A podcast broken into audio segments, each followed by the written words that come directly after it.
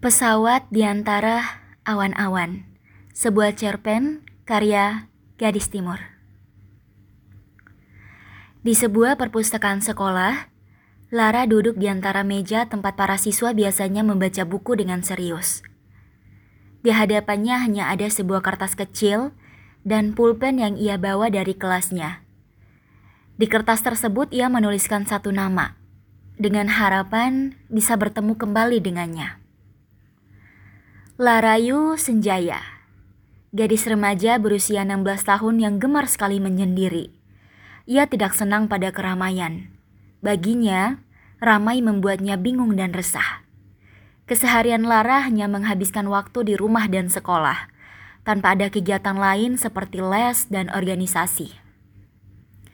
Ra, kamu jadi nggak ikut lomba debat? Tanya Lisa kepadanya. Lisa adalah satu-satunya teman yang Lara punya di sekolah. Seorang anak ambis yang kalau ada kesempatan lomba, ia harus ikut dan menang. Dan kalau gagal sekali, ia bisa mengurung diri berhari-hari. Gak tahu, Lis. Males ah. Balas Lara. Ih, kok gitu? Ikut aja. Siapa tahu nanti lo ketemu sama Revan. Satu nama yang disebut Lisa membuat Lara terdiam lagi. Nama tersebutlah yang barusan ia tulis di kertas yang ia bawa. Lara dan Revan adalah teman kecil satu komplek dulu saat masih sekolah dasar. Revan tinggal tidak jauh dari rumah Lara. Hanya dibelah oleh jalan komplek yang jadi batas rumah mereka.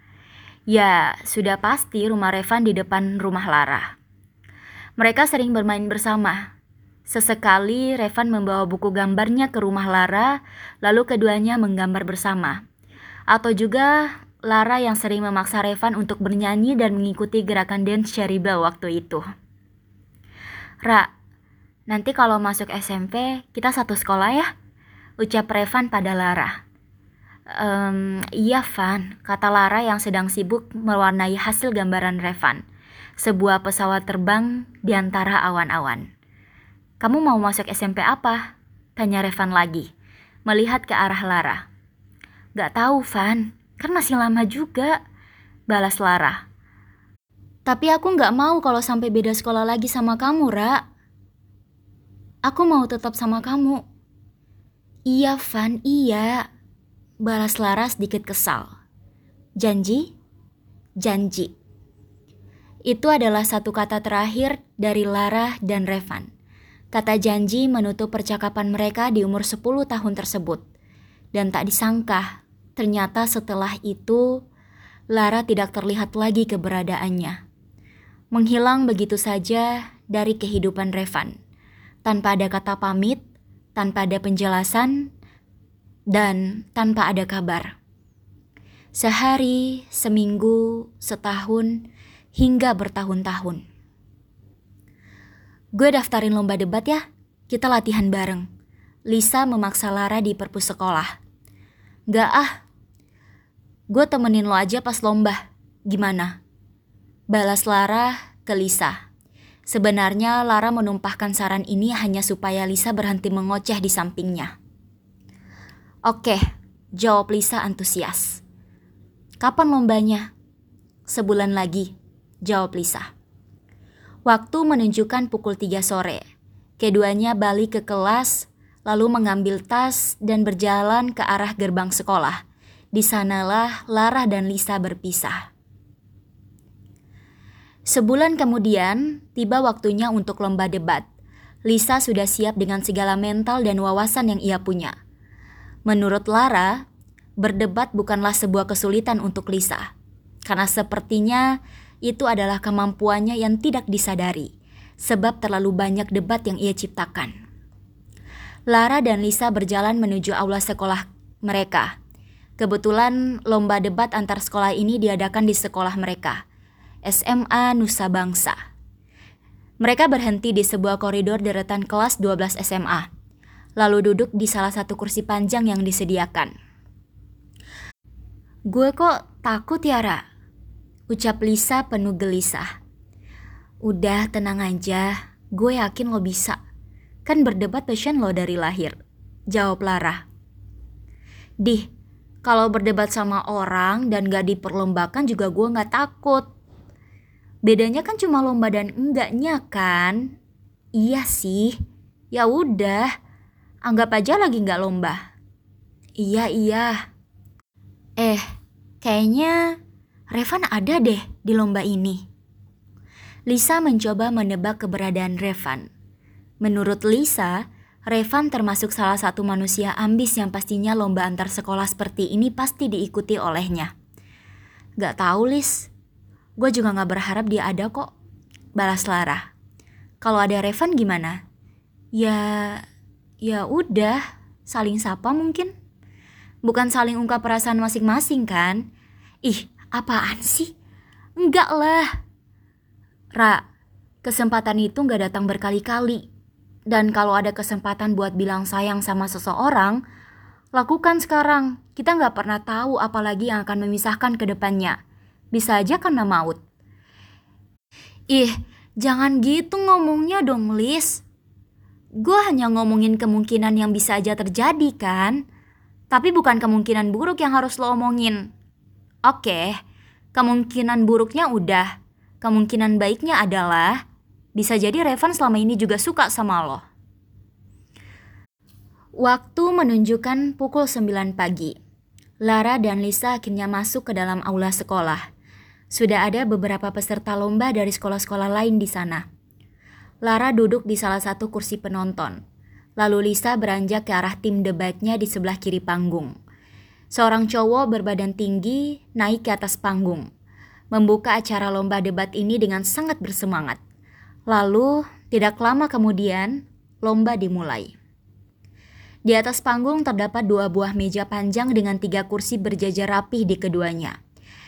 SMA Nusa Bangsa dipanggil dan menempati posisi meja kiri, sementara SMA Bela Negara berjalan dan menempati meja kanan.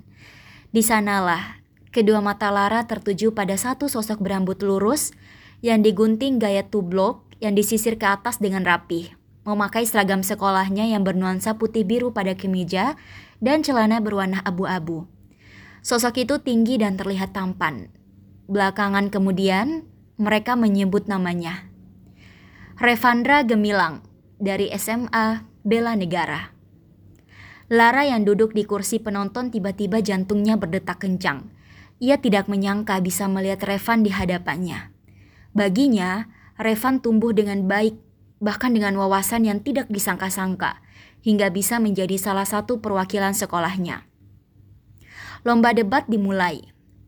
Namun, di pertengahan lomba, Lara berjalan keluar aula. Ia merasa tidak cukup energi untuk mendengar suara Revan.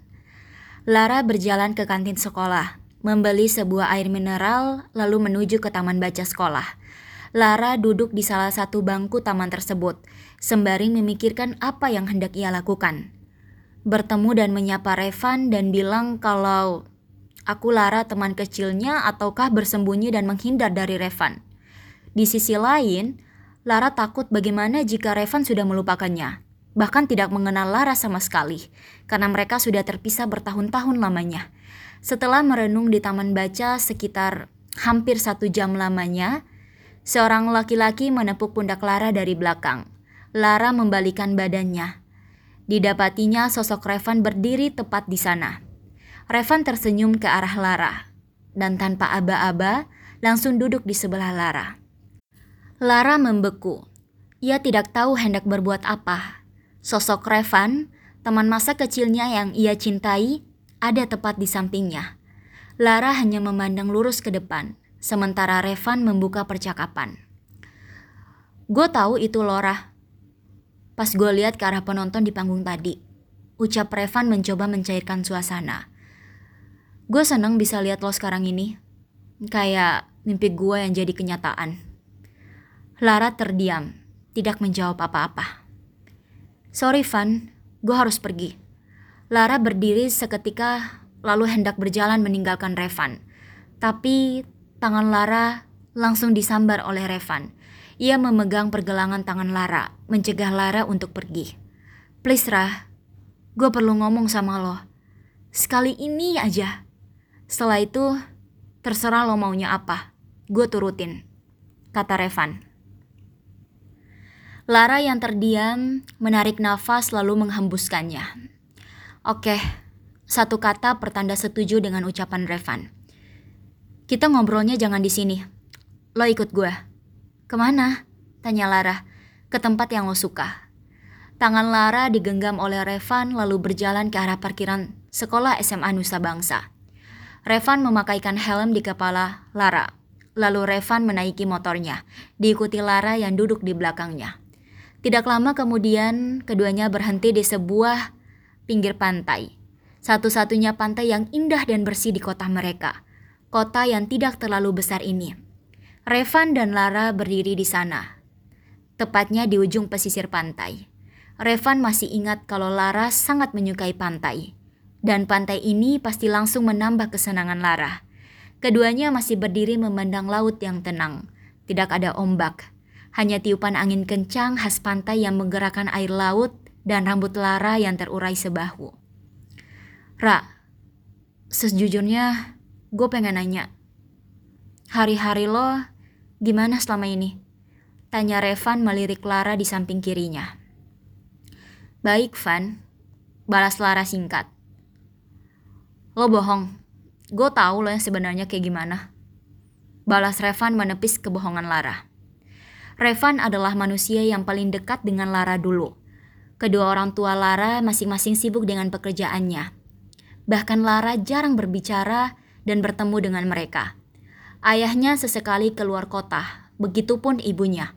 Lara ditinggal di rumahnya bersama asisten rumah tangga mereka bernama Boati. Bagi Lara, Boati adalah ibunya sendiri. Lara lebih banyak menghabiskan waktu dengan Boati dan Boati memperlakukan Lara seperti anaknya sendiri. Boati tidak memiliki anak karena ia tidak menikah. Ia bekerja sebagai asisten rumah tangga di keluarga Lara sejak ibu Lara masih SMA. Dan hingga kini, Boati hanya menghabiskan sisa umurnya bekerja dengan keluarga Lara. Di sisi lain, Boati tidak ingin Lara hidup seolah-olah sebatang kara. Padahal, ada keluarga yang utuh namun telah runtuh. Gue minta maaf sama lo, Van, karena pergi begitu aja. Saat sore setelah gambaran lo gue warnain selesai, dan lo kembali ke rumah, gue dipanggil ibu untuk beberes baju dan peralatan yang lain. Gue gak tahu apa yang akan dilakukan. Gue hanya mengikuti perintah. Di samping itu, gue lihat Bu Ati sudah siap dengan tas besar yang ia gendong di bahu kanannya dan dan tampak murung. Gue yang gak banyak nanya waktu itu hanya memasukkan mainan dan barang-barang lainnya ke dalam koper besar. Setelah selesai, gue dan Bu Ati berdiri di teras rumah. Lalu ibu keluar dengan koper dan tas juga. Sebuah mobil Toyota Innova berdiri di depan rumah. Ibu dan Bu Ati mengambil barang-barang lalu membawanya masuk ke dalam mobil. Aku ikut dan duduk di kursi belakang bersama Bu Ati. Sedangkan ibu duduk di kursi depan. Aku pikir yang membawa mobil itu ayah. Ternyata bukan. Sejak saat itu, aku tidak ingat lagi ke mana kami pergi. Yang aku ingat, aku tidak bertemu ayah sejak saat itu. Lara memandang ke arah lautan. Revan masih terdiam tanpa sepatah kata pun. Banyak banget pertanyaan di otak gua. Tapi yang gua ingat hanyalah gimana caranya buat ketemu sama lo lagi, Van. Hari-hari gue setelah itu banyak menyendiri di kamar dan menghabiskan waktu di sekolah. Tidak ada yang istimewa. Perlahan-lahan dua tahun terakhir, di umur gue 14 tahun gue baru tahu. Ternyata ayah dan ibu berpisah. Alasannya sudah tidak satu pemikiran lagi. Dan sampai sekarang gue tetap gak tahu ayah di mana. Ibu tidak pernah cerita apa-apa. Dan setahun lalu, Bo Ati meninggal. Di situlah gue semakin tidak memiliki siapa-siapa. Rasanya menghilang dari bumi adalah sebuah cita-cita yang ingin sekali jadi nyata. Tapi hanya satu sosok yang gue pikir masih ada kesempatan bertemu. Yaitu lo, Revan. Kali ini Revan membalikan badan berdiri menghadap Lara. Begitu juga Lara. Lara menghadap Revan dengan menundukkan pandangannya ke bawah. Lihat gua, Rah. Lara mengangkat wajah, menatap Revan. Maafin gue yang gak bisa nemenin lo. Setelah lo pergi, gue hanya mengikuti arah hidup aja. Gue cari lo di sosial media, tapi gue gak bisa ngehubungin. Karena gue rasa dulu dan sekarang sudah berbeda. Ternyata gue salah. Lara yang gue kenal waktu kecil masih sama. Masih jadi orang yang gue kagumi. Ra, kali ini gue gak akan biarin lo sendiri lagi. Revan memeluk Lara. Tak lama, air mata Lara jatuh di pipinya. Setelah kejadian itu, Lara kini berada di kamarnya. Tepat di meja belajarnya, Lara menuliskan sebuah surat untuk Revan yang akan ia berikan besok di sekolah saat pengumuman juara lomba debat antar sekolah. Lalu kemudian mengusap air matanya dan beranjak tidur. Matahari menyinari kamar Lara. Ia beranjak mandi dan mempersiapkan diri untuk ke sekolah. Hari ini haruslah menjadi sebuah hari yang menyenangkan. Lara tidak ingin kesedihannya membawa dampak bagi Revan, apalagi Lisa. Mereka harus ceria untuk menyaksikan pengumuman juara nanti. Lara tak lagi memakai seragam sekolah. Ia hanya menggunakan celana jeans biru, kemeja putih, dengan rambutnya yang diikat satu ke belakang, dan tas selempang kecil yang melingkar di tubuhnya. Setelah siap, Lara berjalan ke arah ibunya. Kamu sudah siap kan? Ibu tunggu di rumah jam 12 siang. Pesawat kita jam 3 sore. Jangan sampai terlambat. Kata ibu Lara. Lara hanya mengangguk tanpa kata mencium tangan ibunya, lalu pergi ke sekolah bersama supir yang mengendarai mobilnya. Lara dengan cepat menuju aula sekolah. Ternyata acara sudah dimulai. Ia duduk di kursi penonton bersama anak-anak sekolahan yang lain. Dari kejauhan, Revan tersenyum dan melambaikan tangan ke arah Lara. Lara hanya tersenyum membalas, kemudian tersenyum juga ke arah Lisa yang berada di depan panggung. Pengumuman juara telah tiba, Pembawa acara yang masih sama dengan kemarin membacakan penilaian dan hadiah yang akan diraih. Suasana semakin menegangkan. Namun bukan itu yang Lara rasakan. Ia merasa gelisah, tidak tahu bagaimana menjelaskan. Juara lomba debat antar sekolah diraih oleh SMA Nusa Bangsa. Suara tersebut menggelegar bersama teriakan heboh tanda kemenangan dan kesenangan dari para siswa SMA Nusa Bangsa. Terlihat Lisa sangat bahagia, dan Revan pun yang tersenyum ikut bahagia. Setelah penyerahan penghargaan juara lomba, Lara menunggu Revan di depan aula sekolah. Beberapa menit setelah itu, Revan keluar dan menyapa Lara. Selamat ya Van, lo hebat, ucap Lara sambil tersenyum kepadanya. Makasih Rah, Balas Revan tersenyum juga. Oh iya, Van. Ini buat lo. Lara menyodorkan sebuah kotak persegi hitam yang diikat pita berwarna putih. Ini apa, Rah? Tanya Revan. Hadiah, karena lo udah hebat saat debat. Dan tanda permintaan maaf. Tapi dibukanya nanti ya saat udah di rumah. Balas Lara. Gue ketemu sama Lisa dulu. Lara berjalan meninggalkan Revan. Sementara Revan masih bingung dengan sebuah kotak persegi hitam yang ada di tangannya. Lisa, panggil Lara dari kejauhan. Lalu sedikit berlari dan memeluk Lisa.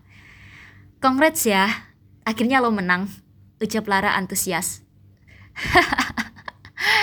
Ini juga karena dukungan lo, Rah, balas Lisa. Keduanya melepas pelukan, lalu raut wajah Lara berubah murung. Lis, udah saatnya. Lisa tidak percaya dengan apa yang diutarakan Lara. Sekarang, Lara mengangguk. Revan udah tahu, tanya Lisa. Dia nggak tahu apa-apa soal ini. Dan lo nggak cerita ke dia. Gue rasa dia nggak perlu tahu. Lo gimana sih, Ra? Ra, udah Lis, aman kok. Gue pamit ya. Jaga diri lo. Balas Lara memotong ucapan Lisa. Keduanya berpelukan, Lisa meneteskan air mata, dan setelah itu Lara meninggalkan sekolahnya. Mobil itu berjalan menuju bandara. berisikan tiga orang di dalamnya. Lara, ibunya, dan supir mereka. Sesampainya di bandara, Lara masuk ke ruang tunggu. Sementara ibunya mengurusi beberapa hal seperti transportasi mereka jika sudah sampai dan tempat tinggal nanti di sana. Revan mengendarai motornya menuju rumahnya yang ternyata jauh dari SMA Nusa Bangsa. Sesampainya di rumah, Revan langsung bersih-bersih dan kemudian berbaring di tempat tidur. Saat ini, waktu menunjukkan pukul 14.50. Ia ingat sebuah kotak persegi yang diberikan Lara tadi pagi di sekolah. Ia beranjak dari tempat tidurnya, mengambil kotak persegi itu. Dengan rambut yang belum disisir rapi, Revan duduk di sebuah kursi di depan jendela kamarnya. Lalu ia membukanya. Di dalam kotak persegi itu terdapat sebuah gelang dan dua kertas. Revan membuka kertas pertama, berisikan gambaran sebuah pesawat di antara awan-awan. Ini adalah gambaran Revan yang diwarnai Lara waktu kecil. Ternyata Lara masih menyimpannya. Lalu Revan kembali membuka kertas kedua, sebuah surat dari Lara. Begini isi suratnya.